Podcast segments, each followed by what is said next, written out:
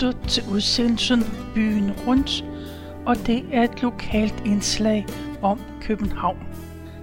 Jeg hedder Tove Christensen.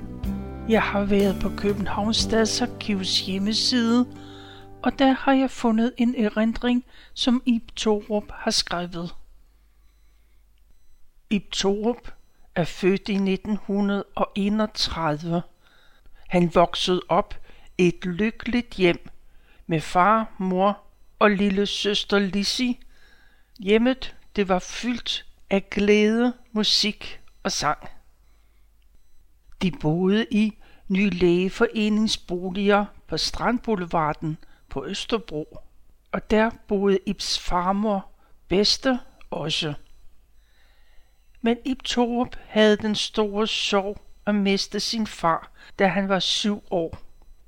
Hans mor var ufaglært, og hun måtte arbejde hårdt for at klare dagen og vejen.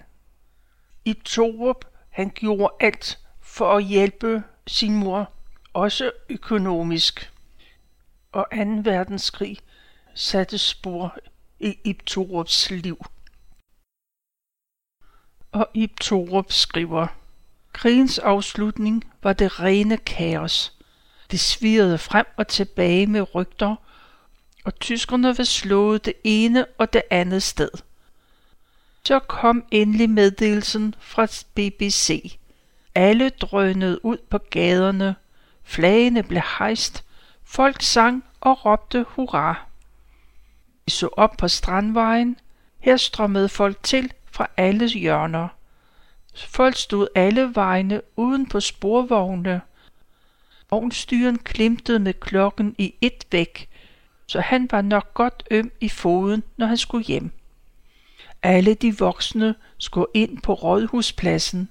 Her var der et enormt opbud af folk. Det blev fortalt, at der var en stemning som aldrig før. Folk kyssede og krammede vildt fremmede mennesker, og alle vegne lød frihedssangen, en vinter lang og mørk og hård. Ja, der var glæde. De unger rendte over og fortalte det til følget i blå uniform, der stod vagt ved skolen. De eneste, der holdt sig helt tavse, det var de tyske flygtninge. De så en uvis fremtid i møde. Rådhuspladsen, det var et mærkeligt sted. Jeg kan huske, at der engang under krigen var samlet mange hundrede mennesker på pladsen, da tyskerne kom drønende ind på pladsen og skød til alle sider. Nu var tyskerne gemt væk på kasernerne og skoler og lignende steder. Vi hørte vores elskede konge, kong Christian den 10. i radioen. Vi hørte statsministeren og ikke mindst Christmas Møller fra London og de to gange tre slag fra BBC London. Nej, hvor var vi lykkelige alle sammen. Der var stadig sniskytter på tagene, ikke mindst rundt om os på Strandvejen, Østerbrogade, Jagtvej og Strandboulevarden. De lå og lurede oppe bag skorstenene, oppe på de høje huse frihedskæmperne, der nu var kommet frem af mørket med deres armbind i rødt, hvidt og blåt. De besvarede skuddene så godt de kunne. En enkelt sneskytte så jeg blev taget fra taget ved Elers. Blev også skudt med stærkt skyts. En granat gik ind i hjørnet af Vibenhus skole og lavede et stort hul lå vi unger på lur, men de voksne fik os væk. Men det var jo spændende midt i alvoren. Snidskytterne var alle de danske nazister, som var blevet taget en for en. De danske brigader kom hjem og marcherede under sang ind mod byen. De blev fanget i sniskytternes ild. Da alle havde våben med, fik de det hurtigt stoppet så kunne vi fortsætte med at råbe hurra. Da de kom ind i Østre Fejmarksgade, brød helvede løs. Der blev skudt fra alle sider, og brigaden måtte søge dækning. Her blev de også beskudt fra tagene, at her fik en fra brigaden lykkelig udgang, men de mødte meget modstand, en modstand, som de nok ikke havde regnet med. Tre uger efter befrielsen fandt man nogle hundrede russiske fanger, som var stuet ned i Fyfes bananlager i Frihavnen. Rygtet gik som et løbeild. Vi unge cyklede og løb alt, hvad vi kunne. Jeg nåede frem, da de kom ud af porten ved Nordre Frihavnsgade. Alle var i sørgelig forfatning, lasede og forhultede. De fleste med klude om benene i stedet for sko. Og de lugtede langt væk. Det var frihedskæmperne og vagtværnet, som ledsagede dem op til Blejdoms Hospital. Vi råbte honør og sang for dem, og de fortsatte med at synge. De kom i helt godt humør, da de så alle de venlige og smilende danskere. Folk gav dem alt muligt.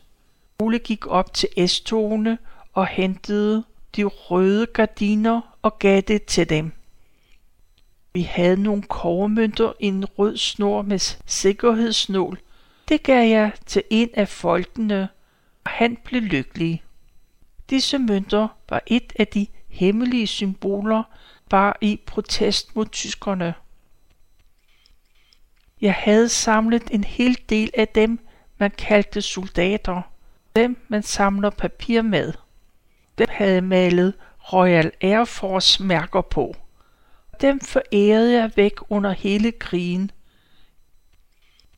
Hver dreng og pige med respekt for sig selv gik med de runde strikhuer med farverne. Ja, der var mange symboler fremme under krigen. Da de russiske fanger var kommet til hospitalet, så blev de sendt i bad og til aflusning og til lægeundersøgelse og fik ordentligt tøj og sko. Siden hørte jeg intet om disse mange hundrede stakler. Jeg har forsøgt mange gange at finde oplysninger om deres videre skæbne, samt hvordan de var havnet på bananlageret. Desværre uden resultat. Et langt liv startede for den danske befolkning, da man var kommet ud af frihedsrusen – så meldte hverdagen sig med alle de barske kendskærninger. LAB, Landsforeningen for Arbejdsløse Bestræbelse, de fortsatte med, som de gjorde under krigen, en sværm af mænd med hver sin syvtal og gennemrode alle skraldebøtter for at finde noget. Alt lige fra kartoffelskralder, papir, små stykker ledning med mere – som de så afleverede på bestemte pladser rundt i byen. Der var et større sted i barakkerne i bryggervangen, det kaldte vi for Rottestien. Her gik vi unger op med gamle søm og skruer, ledninger med mere, og solgte det til manden, der passede pladsen. Kunne bruges. Igennem Smedelærlingeforeningen Fagde ungdom med mere, var jeg, ud over at være KFM-spejder, meget aktiv i politik. Jeg var med til at demonstrere mod Franco. Nogle var klædt ud som store appelsiner, andre bar plakater, alle sang. Vi kæmpede i Spaniens riger. Så det gav genlyd i mellemhusene. Der var en landsdækkende indsamling til fordel for Norge. Man kørte rundt med lastbiler forsynet med generatorer og samlede alt ind til vores naboer og broderfolk mod nord, som virkelig havde problemer. Det var det mest utrolige, folk havde gemt under krigen. Det kom nu frem og op til bilen, og det var festligt, at alle var glade for G. 1. maj var vi mange, der var taget med til toget til Hareskoven for at plukke grønne grene. Dem bundede vi og delte ud i de gamle by. Nej, hvor blev de gamle glade, både for de grønne grene, men også for at se alle de unge mennesker, og vi sang alle vores vemodige sange. Vi sluttede i fældeparken, hvor der var nogen, der underholdt og holdt de sædvanlige taler. Jeg kom meget sammen med Hedtofts søn Bjarne. Han var lidt ældre end mig, men vi var gode kammerater. Familien Hedtoft var meget søde. I 1947 var der en stor international ungdomslejr på Bellehøj. Her var jeg med om aftenen, og jeg overnattede i et telt, så om morgenen op på arbejde og tilbage igen. Min onkel var stang tosset og skældte mig ud. Han var super venstremand og modstander af alt. Men jeg passede mit arbejde, så burde han være glad. I Torup tænker tilbage på sin skoletid. Skolehaver, ja, det var en fantastisk dejlig ting. De lå på Strandboulevarden, der hvor mødrehjælpen nu er. Her havde vi alverdens grøntsager, til gavn og glæde for de små familier. Det var ufatteligt, hvad vi dyrkede på den lille stykke jord. Da der skulle bygges på arealet, blev vi henvist til de unges kolonihaver, som lå ude ved den nye motorvej til Helsingør. Her var der oven i købet en lille rødt hus til haven. Haverne ligger der endnu. Jeg dyrkede mange ting, som jeg transporterede hjem på en lille anhænger, jeg havde lavet ud af en appelsinkasse med barnevognshjul. Da kartoflerne var klar, gravede jeg dem op og læssede dem på anhængeren, og så gik det hjemad til mor. Men ak, jeg nåede lige godt halvvejs, da kassen begyndte at gå fra hinanden og kartoflerne begyndte at trille ud. Til alt held havde jeg sejlgarn i lommen. Havde alle drenge ikke det? Så en snor rundt om kassen og kører langsomt hjem. Mor næsten græd af glæde. Tænk, hendes dreng havde selv dyrket kartoflerne. Lærerne på skolen, de var i os ungers øjne en flok sadister. Sanglæreren Svend Ove Nelson havde et stort skab med henved 20 spanskrør i forskellige længde og tykkelser. Dem brugte vi flittigt sammen med andre afstraffelsesmetoder.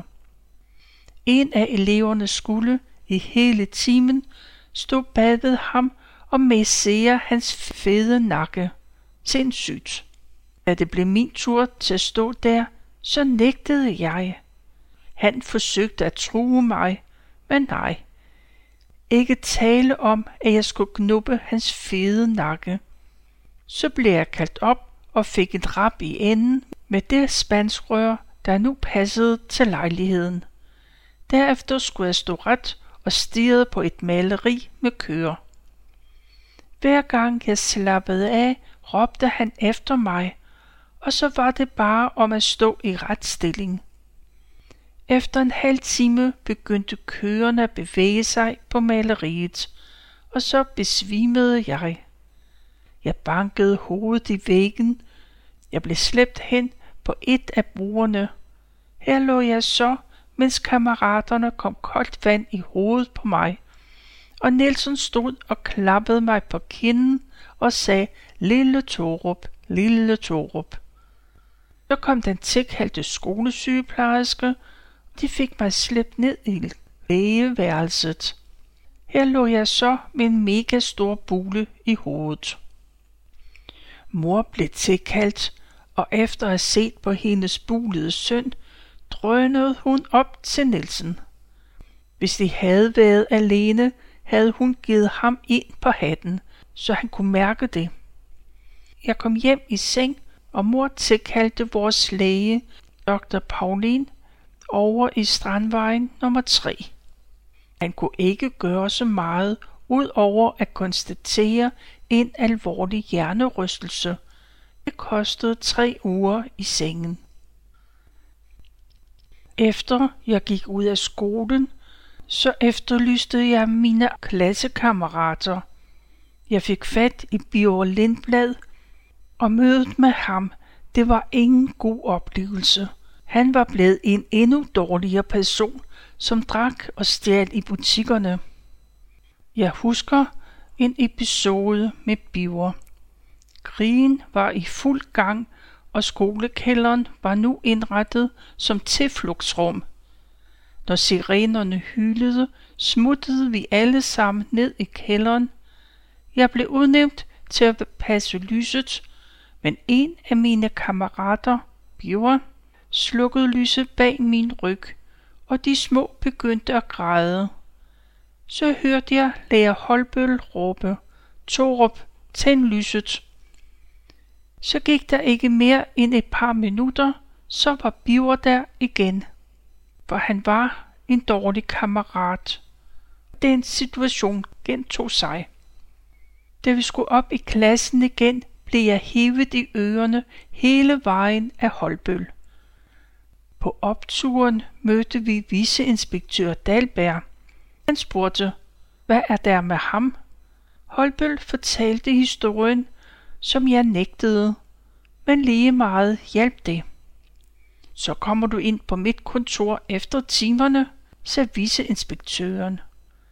I klassen fik jeg tre rap med spanskrøret og en svedetime. Biver sagde ingenting. Vel ankommet hos Dalberg fik jeg tre rap mere plus en svedetime. Skønt jeg erklærede, at det ikke var mig. Mange år efter fik jeg kontakt til Peter Søgaard, der som dreng var en frygtelig rod. Han mødte engang op på trianglen og lavede ballade til et møde med frelsens her. Frelserfolket fik fat i Peter og fik ham hen til deres mødesal. Peter blev medlem og fik stukket et horn i hånden. Senere blev han gift med en af frelserpigerne, og han arbejdede på Nørrebros godsbanegård. Nå, jeg ringede til Peter og fortalte, hvem jeg var. Hvad sagde han så? Hvem i alverden er du? Hans kone spurgte i baggrunden, hvem er det? Og han svarede, det var en, jeg har givet røvfuld mange gange. Det var mærkeligt at møde netop disse to gutter. Som børn boede de også i boligerne. Jeg har desværre ikke kunne finde andre af kammeraterne. Vælge at slutte min historie, som jeg har kaldt min barndomsdal. En tid i dalen, som jeg havde haft meget lyse, men også forfærdelige mørke tider. Tider, som har været meget svære at komme igennem. Det er nok den ballast, som både min søster Lizzie og jeg har haft glæde af i livet.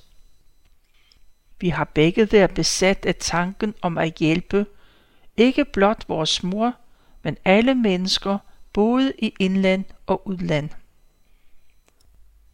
Og så fortæller i Torup, jeg blev færdiguddannet skibsbygger på Nordhavns Værfts Østre afdeling og blev skibsingeniør og arkitekt og har drevet egen virksomhed siden 1956. Jeg arbejdede, mens jeg læste for at få råd til studierne. Tænk, den lille fattige dreng kunne knokle sig til et hus og et firma med de bare næver. Mor var stolt, men jeg var endnu mere stolt, for nu kunne jeg give mor lidt af de mange afsavn, som hun havde lidt igen. Mor kom til mig på weekender og i ferier, og hun nød det endnu mere, da jeg købte Kildegården i Græsted. Den blev min base, med en dejlig flok medarbejdere på tegnestuen. Det var også her, mine børn voksede op. Jeg havde nu projekter fra Tanzania, Kenya, og ikke mindst Uganda, og helt op til Grønland, Island og Færøerne. Så kom ikke og sig, at skolen ved Østre Gasværk var dårlig. Mine naboer til gården var Pirko og Jørgen. Han var skolelærer på Gasværksvejens skole. Den, som jeg havde gået på, og som senere kom til heddet Strandvejsskolen. Vi blev inviteret til middag hos dem. Her var også nogle af Jørgens kollegaer. De spurgte til min skoletid, og jeg fortalte lidt af det, jeg havde oplevet. Da jeg var færdig, pegede alle på mig og sagde, Strandvejsskolen. Og i Torup har en lille efterskrift. Der står, at skrive sin livshistorie fra barneårene og få det hele med har krævet mere af mig, end jeg havde drømt om. Der er kommet mange ting frem fra dybet, frem fra gemmerne, ting, der var skubbet i baggrunden, ting, som var ubehagelige for den lille familie. Tiden med William Hansen, som aldrig blev skilt fra sin kone, og som ikke selv havde børn. Han fandt en kvinde, som troede, han ville tage hånd om familien, men hvor der var to børn, som var i vejen. Her forstår jeg ikke vores mor, at mor ikke slog bremserne i og sagde fra længe før det gik så vidt, som det gik. Jeg kan godt forstå, at en kvinde på 48 år ønsker sig en livsledsager, efter at der er gået så mange år fra den dag, hun mistede sin mand, som hun elskede overalt på jorden, til den dag, der kom en anden ind i hendes liv. Jeg har aldrig talt med vores mor om denne tid. Det forbliver et mørkt kapitel, som der nu er lukket af for. Alle de store stjernestunder, vi har haft sammen, os tre, trods modgang og slid, dem tænker jeg tilbage på med stor taknemmelighed. Hvordan gik det så efter barneårene? Jeg vil i meget korte træk berette fra disse år. Mine drømme om at hjælpe mor ud af vores barndomsdal, det lykkedes ved hjælp af Lizzie. Jeg begyndte at tjene rigtig godt, og jeg kan støtte vores mor økonomisk. Jeg havde købt min første gård i Saltrup, efter jeg havde solgt mit hus i Birkerød og maskinfabrikken i Hornbæk. Mor var en flittig gæst og deltog aktivt i de daglige arbejde. Og nej, hvor mor nød det. Hun havde også mødt en ven, der hed Ellis. Hver gang jeg holdt en fest, var det en selvfølge, at mor og Ellis var med. Ellers lavede mine venner frøvl. Boligerne skulle rives ned og give plads til et nybyggeri. Der var mange protester. Mange følte, at det var bedre, at de gamle boliger på Østerbrogade blev revet ned. Men ak, der var ny lægeforeningers boliger, der blev revet ned, og mor flyttede til Brumleby. Mor trives med naboerne, og Lisi og hendes mand Tage boede der ud i det, der engang var sløjtskole, ligeledes i Brumleby. Efter nogle år kom mor tilbage til sit gamle kvarter. Mor fik lejlighed i Nyborggade nummer 11 på 12. etage.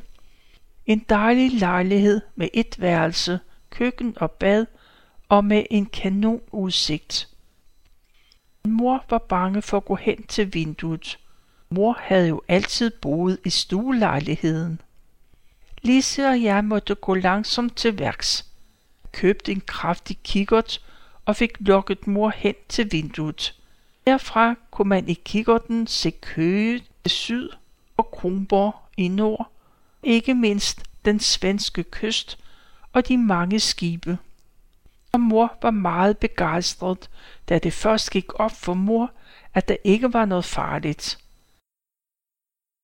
En dag jeg kom for at besøge mor, stod Paul Rømert og, og hans søn, der boede i stueetagen, og ventede på elevatoren. Vi skulle op og finde et sted, hvor Paul Rømert kunne se udsigten. Der farede en trold i mig, og jeg sagde, det kan jeg godt se oppe fra min mors 12. etage. Og ind i elevatoren og op til mor.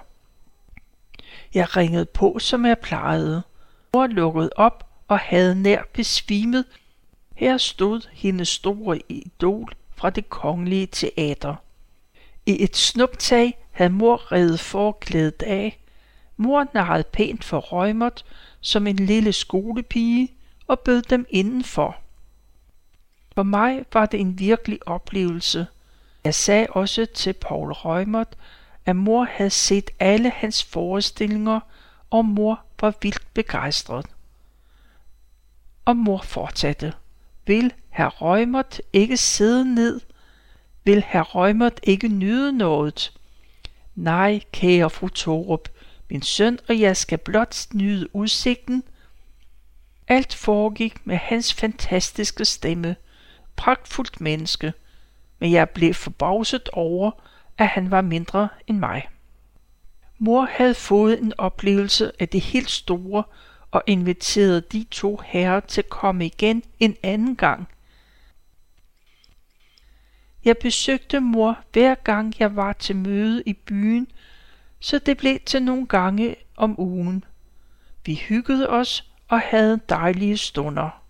Mor havde jeg givet en telefon, så vi også den vej kunne kontakte hinanden.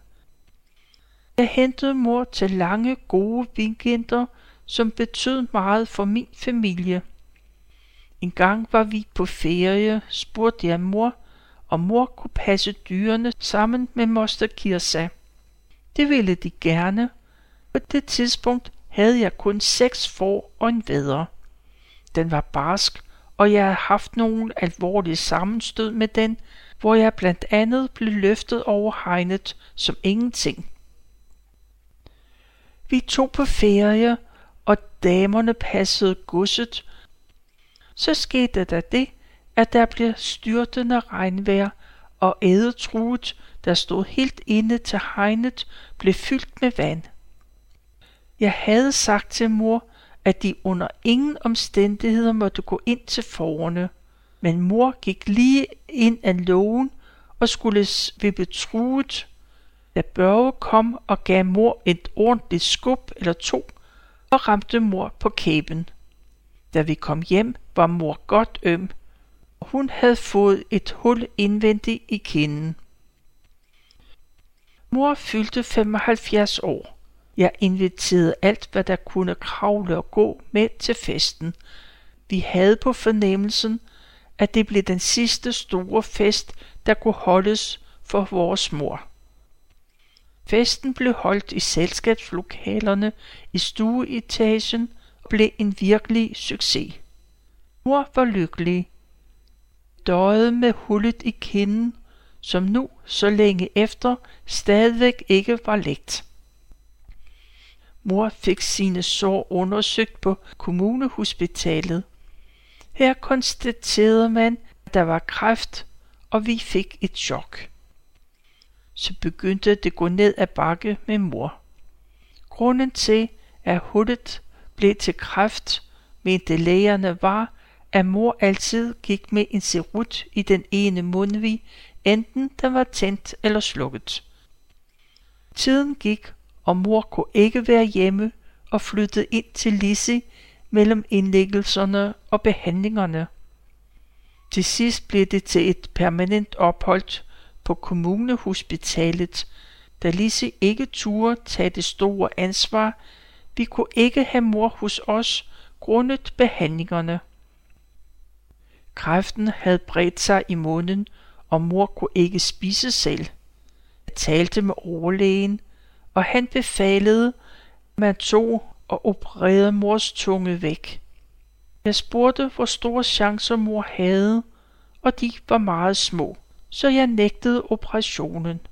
Mor var frygtelig afkræftet, men meget klar. Jeg kørte ind til mor fra Saltrup hver eneste aften, men en onsdag, da jeg kom træt hjem, fra et møde i provinsen, orkede jeg ikke at køre til København. Det var en onsdag, og der blev ringet fra hospitalet kl. 19. Sygeplejersken fortalte, at mor var meget dårlig, og jeg skulle komme så hurtigt som muligt. Da jeg kom til mor, var det for sent. Mor var hentet hjem til far. Mor blev ikke 76 år. Bisættelsen foregik fra vores familiekirke, Sions, og mors ordene blev sat ned til far. Jeg tegnede en speciel gravsten i granit, som jeg fik lavet. Her står begge navne i bronze. Et langt liv i barndommens dal med en værdig afslutning med den skønne udsigt fra toppen af de tinder, der kun var drømt om. En drøm, der var blevet til virkelighed. Mor fik mange år på de skønne tinder, hvorfra mor kunne se tilbage på barndommens dal. Se tilbage uden at bekymre sig om fremtiden. Vi stod ved siden af mor. Og sådan slutter i Torup sine erindringer. Og det her, det var og sidste del af hans fortælling. Og med det her, så vil jeg bare sige tak for nu.